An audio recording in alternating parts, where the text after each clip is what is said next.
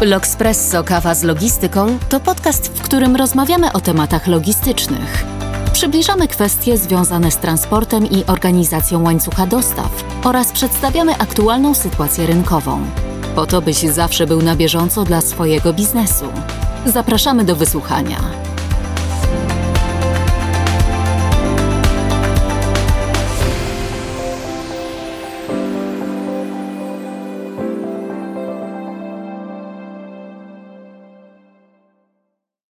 Dobry Państwu. Dziś kolejny podcast logistyczny Kinenagel e, Logspresso. I dziś moim gościem, naszym gościem jest Agnieszka Juszkiewicz, która agentem celnym jest już od 97 roku. Kinenagel pracuje od 6 lat. Dzień dobry Agnieszko. Dzień dobry. Tytułem wstępu, nim przejdziemy do naszego tematu, jak to się w ogóle stało, że zostałaś agentem celnym? To zupełnie nie był mój zamiar, zupełnie nie była moja decyzja. Wszystko się zadziało jakby za mnie. E, miałam takie plany, że zostanę policjantką. Niestety byłam pół centymetra za niska, żeby objąć tak zaszczytną funkcję. I koleżanka namówiła mnie, gdy nie otworzyło się takie studium agentów celnych i spedytorów, i namówiła mnie, żebym tam poszła zobaczyć, jak to będzie. E, oczywiście nie wiedziałam, kim jest agent celny. Cały czas byłyśmy przekonane obie, że idziemy e, do studium celników, tak, czyli urzędników państwowych. No i dopiero na zajęciach e, otworzyło się nam oczy, że agent celny to jest taki pośrednik w sumie między firmami a urzędem celnym. Samo słowo agent już coś oznacza, więc mogło ci się kojarzyć z policją. E, super. Ja, ja będę się namawiał na nasz wspólny podcast o tym, jak zostać agentem celnym, ale dzisiaj inny temat. E, drodzy Państwo, dzisiaj porozmawiamy o tym, kto, kiedy i dlaczego może otworzyć Twój kontener w porcie. Agnieszko, podzielimy ten podcast na trzy części. Kto, kiedy i dlaczego. Więc zacznijmy. Kto może otworzyć nasz kontener w porcie?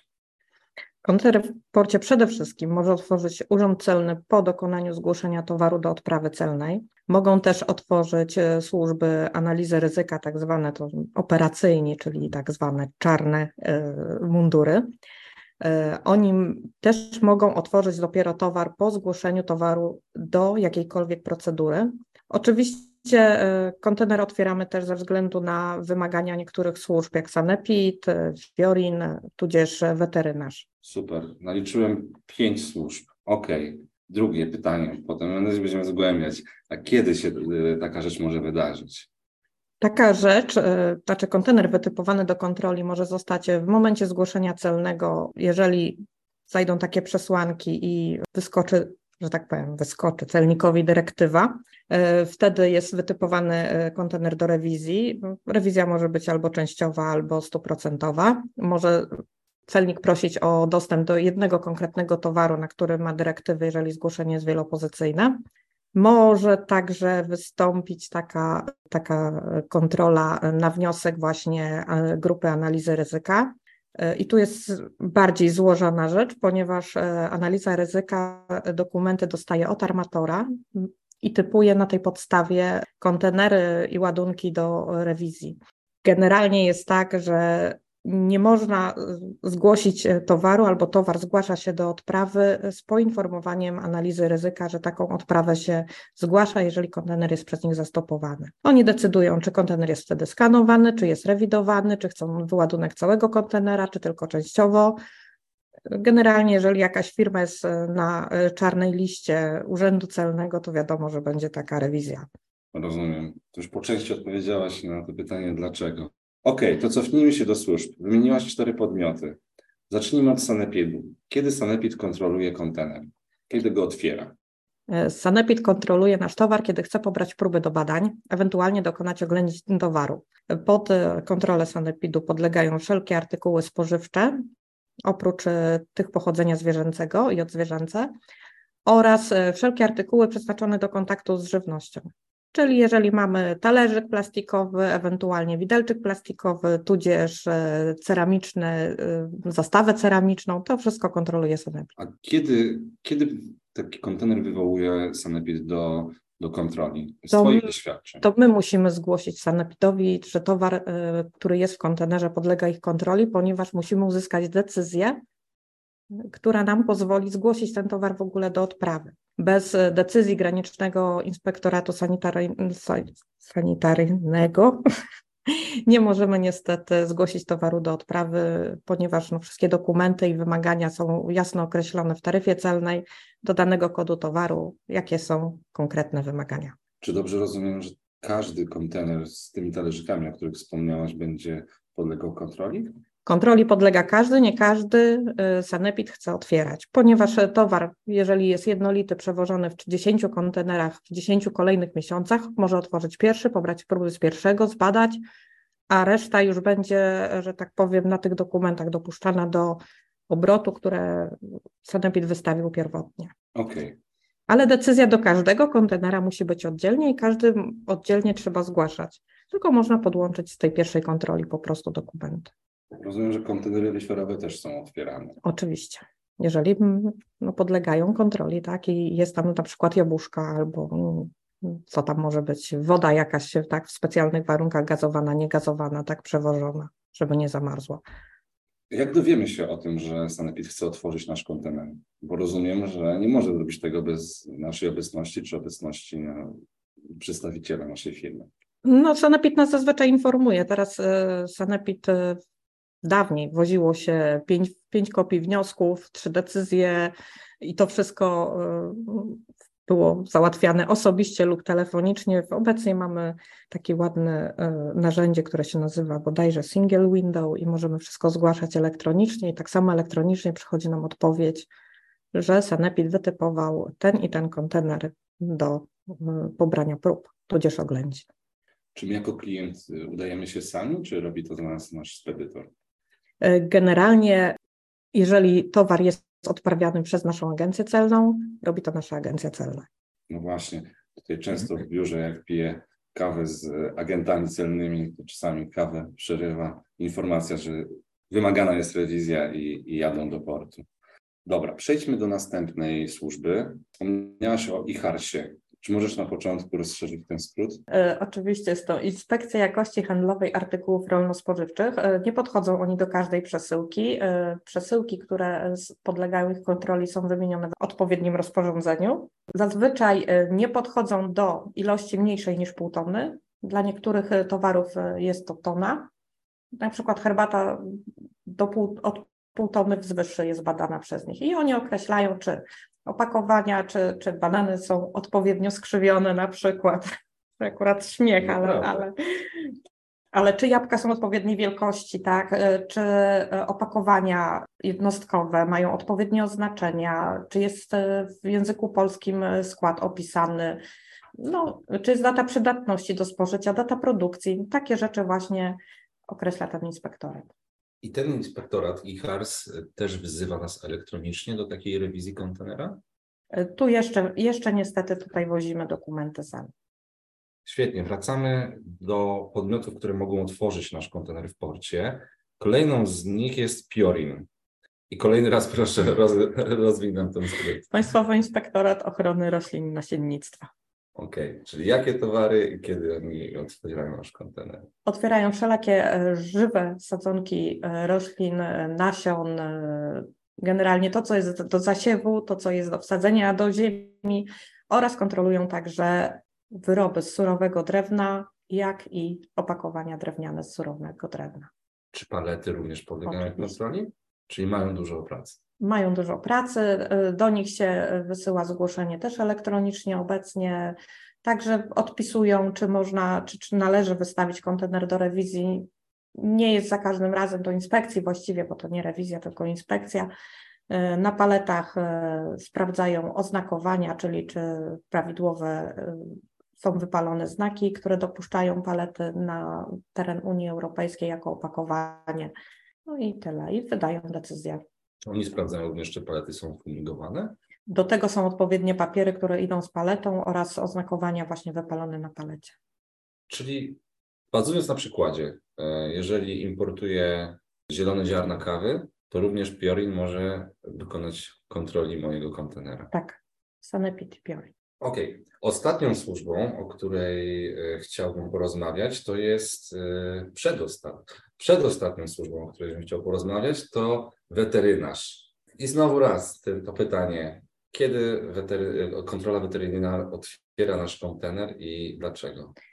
Kontrola weterynaryjna jest przeprowadzana na produktach rolno-spożywczych oraz paszach.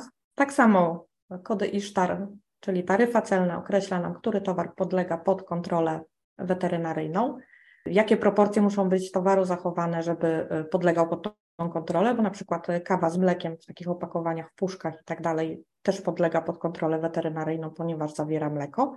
Tam wtedy już wchodzą prawie wszystkie służby. Jak jest na paletach, to wszystkie cztery. Służba weterynaryjna e, dopuszcza, tak jak mówiłam, e, żywność dla zwierząt e, oraz wszystkie produkty zwierzęce i odzwierzęce. Bywa też, że kontroluje żywe zwierzęta, bo to też podlega pod weterynarza oczywiście. Ale bardzo zainteresował mnie ten przykład kawy z mlekiem w puszce. Czyli rozumiem, że jeżeli importuję kontener, gdzie znajduje się kawa z mlekiem w puszce, to przychodzi sanepid i może kontrolować mój kontener i produkt. Zgadza się? Zgadza się. Weterynarz również może kontrolować. Tak, bo jest tam mleko, produkt odzwierzęcy. Bo jest tam mleko. I HARS, bo bada jakość. Tak, czy są oznakowania na puszce odpowiednie. A jak jest na paletach, to jeszcze Wiorin zapraszam. I Wiorin. okay. To, będzie, to, to ciężki produkt, proszę Państwa, w, w imporcie. Zebraliśmy te cztery służby, które dokonują kontroli portowych, otwierają nasz kontener e, i sprawdzają, czy to jakość, pochodzenie, oznakowanie towaru, opakowanie, a oddzielnie możemy powiedzieć sobie o urzędzie celnym. Powiedz Agnieszko, kiedy urząd celny kontroluje nasz kontener, jak to się odbywa i dlaczego poddaje nasz kontener do, do, pod rewizję? Tutaj mamy dwa, dwa jakby czynniki, tak? Jest urząd celny, do którego zgłaszamy towar do odprawy oraz Urząd Celny, Grupa Analizy Ryzyka, który może także wytypować nasz kontener do rewizji tudzież skanowania. Grupa Analizy Ryzyka bada na podstawie przesłanych przez armatora dokumentów, co jest w kontenerze, podchodzi dokumentacyjnie typowo do sprawy, jaki jest nadawca, odbiorca, czy kontener nie jest za ciężki, czy za lekki dla danego towaru i wtedy na tej podstawie typuje taki kontener do kontroli.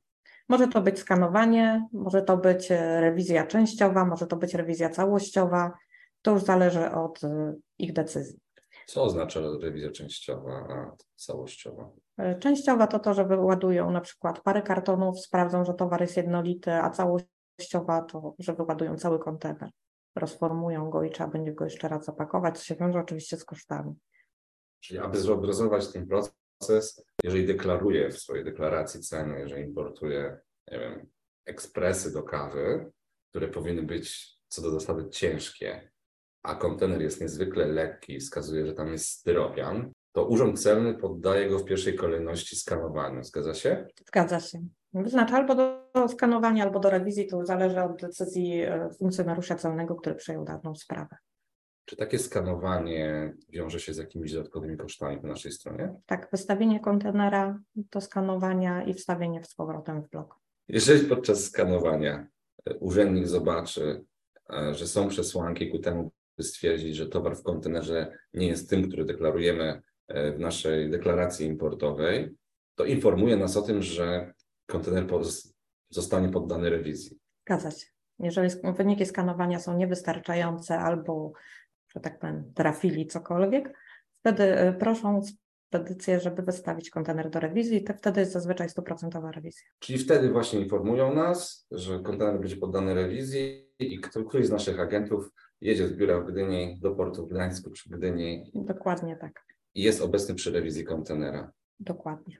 Czy taka rewizja trwa długo? E, to zależy od towaru, od ilości kartonów, od palet. Czasami jak towar jest spaletyzowany, tak, 18 palet w kontenerze, wyładowanie 18 palet wózkiem widłowym to jest, nie wiem, godzina, półtorej, tak? Jeżeli mamy 800 kartonów, e, które nie są na paletach, no to jest ręcznie rozładowane 800 kartonów, także taka rewizja czasami cały dzień trwa. Czy taka rewizja wiąże się z jakimiś dodatkowymi kosztami po stronie naszej, po naszej stronie? Oczywiście, wystawienie kontenera do rewizji, yy, załatwienie ludzi, którzy rozładują ten kontener, z powrotem go załadują i wstawienie kontenera w blok po rewizji. A czy urząd celny może otworzyć nasz kontener bez naszej obecności, czy obecności naszego przedstawiciela, jakim jest agent celny? Generalnie nie powinien. Ale jeżeli są takie przesłanki, na przykład coś widać było, jakiś dym z kontenera albo że coś wybucha, wzywa urząd wtedy odpowiednie służby, informując nas o tym. Jednak no, sytuacja czasami jest taka, że muszą otworzyć e, natychmiast taki kontener, żeby sprawdzić, co tam się dzieje. Są w portach takie specjalne wanny, gdzie takie kontenery są wstawiane. Tam są towary niebezpieczne rewidowane też w tych wannach. To jest takie zagłębienie, że w razie jakby doszło do pożaru, wybuchu czegokolwiek, e, jest to teren chroniony. To bardzo ciekawe. Agnieszko, e, ja jeszcze chciałbym z uwagi na Twoje doświadczenie, 26-letnie doświadczenie, usłyszeć kilka najciekawszych przypadków z rewizji kontenerowych, z otwarć kontenerów w portach tutaj w Trójmieście. Ja wiem, że możesz o tym opowiadać godzinami, ale zróbmy takie top 3. No dobrze. Byłam na praktykach w pewnej agencji celnej, chyba już nawet nie istnieje ta agencja. Zgłosiliśmy, znaczy agent celny, który, no jeszcze wtedy ja nie miałam uprawnień agenta celnego, więc agent celny zgłosił towar, e, którym był płyn do spryskiwaczy. E, po rewizji i badaniach e, organoleptycznych, fizycznych i, i, i w ogóle okazało się, że nie jest to płyn do spryskiwaczy, a czysty spirytus. To jest jeden taki przykład. Drugi przykład to miałam w innej agencji celnej, już będąc agentem celnym, e, towar mieliśmy zatrzymany przez e, właśnie analizę ryzyka. I okazało się, że e, importer sprowadzając klocki miał figurki bardzo podobne do znanej marki klocków, która ma te figurki zastrzeżone patentem, więc było tam, nie wiem, z 25 kartonów, w każdym kartonie po 60 opakowań takich klocków. E, Urząd Celny zdecydował, e, że klocki można e, puścić dalej, ponieważ ta firma klockowa nie robiła w ogóle klocków militarnych, no ale że ludziki były podobne i miały podobną strukturę, prosili, żeby zniszczyć te ludziki. Mhm. Więc z koleżanką siedziałyśmy, zresztą pracuje też koleżanka teraz razem ze mną w Kinenegel, siedziałyśmy wydłubywałyśmy z każdego jedynego opakowania te ludziki do zniszczenia. Nie wierzę. Zajęło nam to chyba z trzy tygodnie. Popakowałyśmy klocki z powrotem w pudełka. Klocki trafiły do przedszkoli, domów dziecka jako towar już niekompletny, ale to już importer przekazał te, te, te klocki, a ludziki pojechały do spalarni w port serwisie w Gdańsku. Ale piękna historia, że miały swoje życie w domach dziecka. Świetnie. A trzecia historia. Trzecia historia to odzież z znakami firmowymi e, bajek różnych. E, bardzo często jest tak, że no niestety importer nie zdaje sobie sprawy z tego, że umieszczenie w wizerunku jakiejś, jakiejś kreskówki niesie za sobą e, konieczność posiadania licencji na to. No więc odzież też generalnie podlega niszczeniu. To były, wiadomo, bielizna, koszulki, t-shirty, generalnie podlega niszczeniu po takim stwierdzeniu ale może prawnik danej firmy, tak, przedstawiciel firmy zgodzić się właśnie, że zostanie przekazany albo do domów dziecka, albo w jakiś inny sposób wykorzystany, ale po usunięciu ich znaków firmowych. Czasami, ale to sporadycznie, raz mi się takie coś zdarzyło, że pozwolił im mm, właściciel znaku towarowego na dopuszczenie towaru do obrotu, ponieważ wizerunki odpowiadały ich wizerunkom i ich po prostu Chińczyk na parterze e, robił e, podróby, a na pierwszym piętrze legalny towar i dlatego tylko, że z tego samego miejsca to pochodziło, pozwolił dopuścić ten towar do obrotu. Bez wycinania, bez niszczenia znaków e, zastrzeżonych. A, to bardzo ciekawa historia. I też z happy endem. Agnieszka, to opowiadałaś mi kiedyś o historii, kiedy otwierałaś kontener i wychodziły pająki. I na nią czekałem tak naprawdę dzisiaj w podcaście. No to ani się z zatrzymaniem kontenera nie wiązało, to było mienie przesiedlenia pana ze Stanów Zjednoczonych e, i w, no w samochodzie, jak to zmienię przesiedlenia, żeby jak najwięcej miejsca w kontenerze e, mieć wolnego na inny towar, no to dużo rzeczy się w samochód upycha. No i urząd celny zażyczył sobie kontroli tegoż samochodu. No i po otwarciu drzwi rozpełzły się pająki. Okazało się, że to są jedne z najbardziej jadowitych pająków na świecie. Bodajże się nazywają pustynne czy pustyniki jakoś tak. Więc spanikowani operatorzy portowi zadzwonili do służb weterynaryjnych, a służby weterynaryjne powiedziały, ponieważ to był październik, że pajączki sobie same pozdychają, że one nie przetrwają w naszych e, warunkach i się nie mamy co przejmować. Czyli kontener został zamknięty i odstawiony na zimę w porcie. Nie, no został zamknięty, został zamknięty i, i pojechał do klienta. Temperatura na zewnątrz, jeszcze wtedy normalne zimy były, temperatura na zewnątrz była w no, październiku była około 4-5 stopni, a te pajączki tam muszą mieć odpowiednie, nie wiem, 20 parę, żeby przeżyć. A rozumiem, że ty uratowałaś kilka tych pająków i zabrałaś ze sobą. E, mój syn wprawdzie hoduje pająki, mam w domu tarantule, skorpiony i ptaszniki, ale wtedy jeszcze nie miałam dzieci. I całe szczęście. Czyli nie zabrałaś żadnego pająka? Nie, nie zabrałam, nie podjęłabym się tego, gdyż ugryzienie takiego pająka naprawdę grozi śmiercią. To jest martwica, od razu się wywiązuje w komórkach i, i nie są to ciekawe tematy. Ojej. Na wstępie wspominałaś, że nasz kontener mogą otworzyć również służby specjalne, tak zwane czarni. Jest to jed specjalna jednostka Urzędu Celnego, zgadza się? Dokładnie, jest to analiza ryzyka. Urząd Celno-Skarbowy może otworzyć nasz kontener w każdej chwili. To się dzieje tylko, kiedy jest podejrzenie transportu narkotyków, broni, e, czy, czy leków, czy nielegalnych leków? Nie, nie tylko. Wystarczy no, jakakolwiek przesłanka, tak? E, na przykład odzież, zabawki, czy mają znaki CE. Zanim zweryfikuje to Urząd Celny przy odprawie, bardzo często mieliśmy zatrzymywane takie kontenery ze względu na właśnie zawartość, y, jeżeli chodzi o zabawki, o znaki handlowe i licencyjne. Interesuje mnie jeszcze jedna rzecz, bo cały czas mówimy o tym kontenerze, o naszym kontenerze, kiedy importujemy towar i on jest, zostaje zgłoszony do rewizji, otwarty, kontrolowany. Ale wielu z naszych klientów i wielu importerów importuje towary drobnicowo, czyli LCL-ko, czyli nasz, w jednym kontenerze nasz karton jest jednym z 40 kartonów. No, raczej 400. Czy 400. Co się dzieje, kiedy następuje rewizja kontenera i nasz karton jest jednym z, rewizja dotyczy innego kartonu. Jak wspomniałeś, są opłaty. Kto je płaci? Jak tutaj to się wszystko dzieli? Jak to się odbywa? Kto płaci, to pytanie do spedycji, jak są koszty dzielone. Jednak, jeżeli jest to nawet towar LCL i jest tam 20 odbiorców i 20 załadowców, jeżeli zostanie jedna z tych przesyłek wytypowana do rewizji, niestety trzeba ten towar rewidować i to trzeba rewidować w porcie. Urząd Celny nie zgadza się nawet pod kontrolą przewiezienia te, tego towaru na nasz magazyn i rozpakowania, że tak powiem, po kosztach. Niestety, wszystkie kontrole muszą być w miejscu wyznaczonym przez urząd. Czyli my bierzemy na siebie ryzyko też innych przesyłek niejako.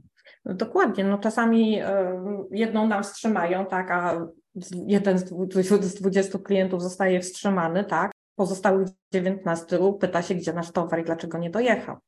A zgłębiając ten temat, bo niezwykle mnie zainteresował, a jak jest z odpowiedzialnością? Bo ryzyko rozumiem, że ponosimy wraz z innymi klientami, których towary są w naszym kontenerze. A odpowiedzialność, jeżeli w, jednej, w jednym z kartonie znajdą się narkotyki, to co z pozostałymi kartonami? Czy odpowiada ten, na kogo zostały wystawione te dokumenty, tak? Dla tych kartonów, w których cokolwiek znaleziono. Kartony są ładowane w różnych destynacjach, tak? Różnie jest to e, doładowywane. I no, reszta klientów mogło nie mieć wpływu na to, co się znajduje akurat w kartonie y, klienta X, a, a, a klient Z, Y i B no nie, nie ponosi odpowiedzialności za tamtego klienta. Agnieszko, na zakończenie y, dowiedzieliśmy się, które służby mogą otwierać nasz kontener, z czym to się wiąże, kiedy to się dzieje. I tak sobie myślę, wiele razy wiem z Waszych historii, ta rewizja przebiega, a okazuje się, że nic nie wykazuje, nie wykazuje nieprawidłowości a wiąże się nie tylko z dodatkowymi kosztami portowymi, ale wiąże się też z tym, że nasz towar dociera do nas później, przez co też może generować dodatkowe obciążenie finansowe. Mogłabyś wymienić na koniec takie najczęstsze, kilka najczęstszych błędów, jakie popełniają klienci, które powodują, że nasze kontenery zostają e, otwarte niepotrzebnie tak naprawdę i generują niepotrzebny stres i koszty. Tutaj akurat o błędach e, nie można mówić, ponieważ e, to, czy kontener zostanie wytypowany do kontroli, czy nie, to jest tylko i wyłącznie wskazanie dyrektywy, która wyskakuje tak, czy, czy jest wykazana urzędowi celnemu. My nie mamy jako agenci celni dostępu do tych dyrektyw. Nawet jak pytamy urzędników celnych, dlaczego ten kontener został zatrzymany, y, nie uzyskujemy takich odpowiedzi. Y, sporadycznie zdarza się nam, że urzędnikowi wymsknie się, że na przykład bo jedna z firm albo bo jeden z rodzaju towarów, ale też konkretnie nie powie nam nigdy co ani kto. Jeżeli za to chodzi o, o służby te kontrolne, tak, sanepid czy weterynarz, dla weterynarza najlepiej byłoby, żeby jak przy załadunku kontenera przy drzwiach postawić próbki z każdego towaru, rodzaju towaru, żeby mógł weterynarz pobrać próby, niekoniecznie rozformowując nasz kontener. Tak samo dotyczy się, dotyczy się to i sanepidu, i, i tych wszystkich służb, które, że tak powiem, podchodzą do kontenera i które mogą pobierać próby. To jest najłatwiejsze, że nie trzeba wtedy rozformowywać kontenera, wyjmuje się dwa, trzy kartony z brzegu, są to kartony z różnym towarem, który można przebadać. Świetnie, czy już na etapie paletyzacji kontenera powinniśmy pomyśleć o ewentualnych kontrolach czy rewizjach? Dokładnie tak. I porządek dokumentacji zawsze ułatwia sprawę. Bardzo. Agnieszko, bardzo Ci dziękuję. To są niezwykłe, niezwykle ciekawe tematy. Jestem pod wielkim wrażeniem Twojej wiedzy i doświadczenia. Bardzo Ci dziękuję za dzisiaj. Również dziękuję. A ja będę Agnieszkę zapraszał do kolejnych podcastów, bo myślę, że ma bardzo dużo do powiedzenia. Dziękuję. To był podcast logistyczny firmy Kinenagel Logspresso i do zobaczenia w kolejnym odcinku.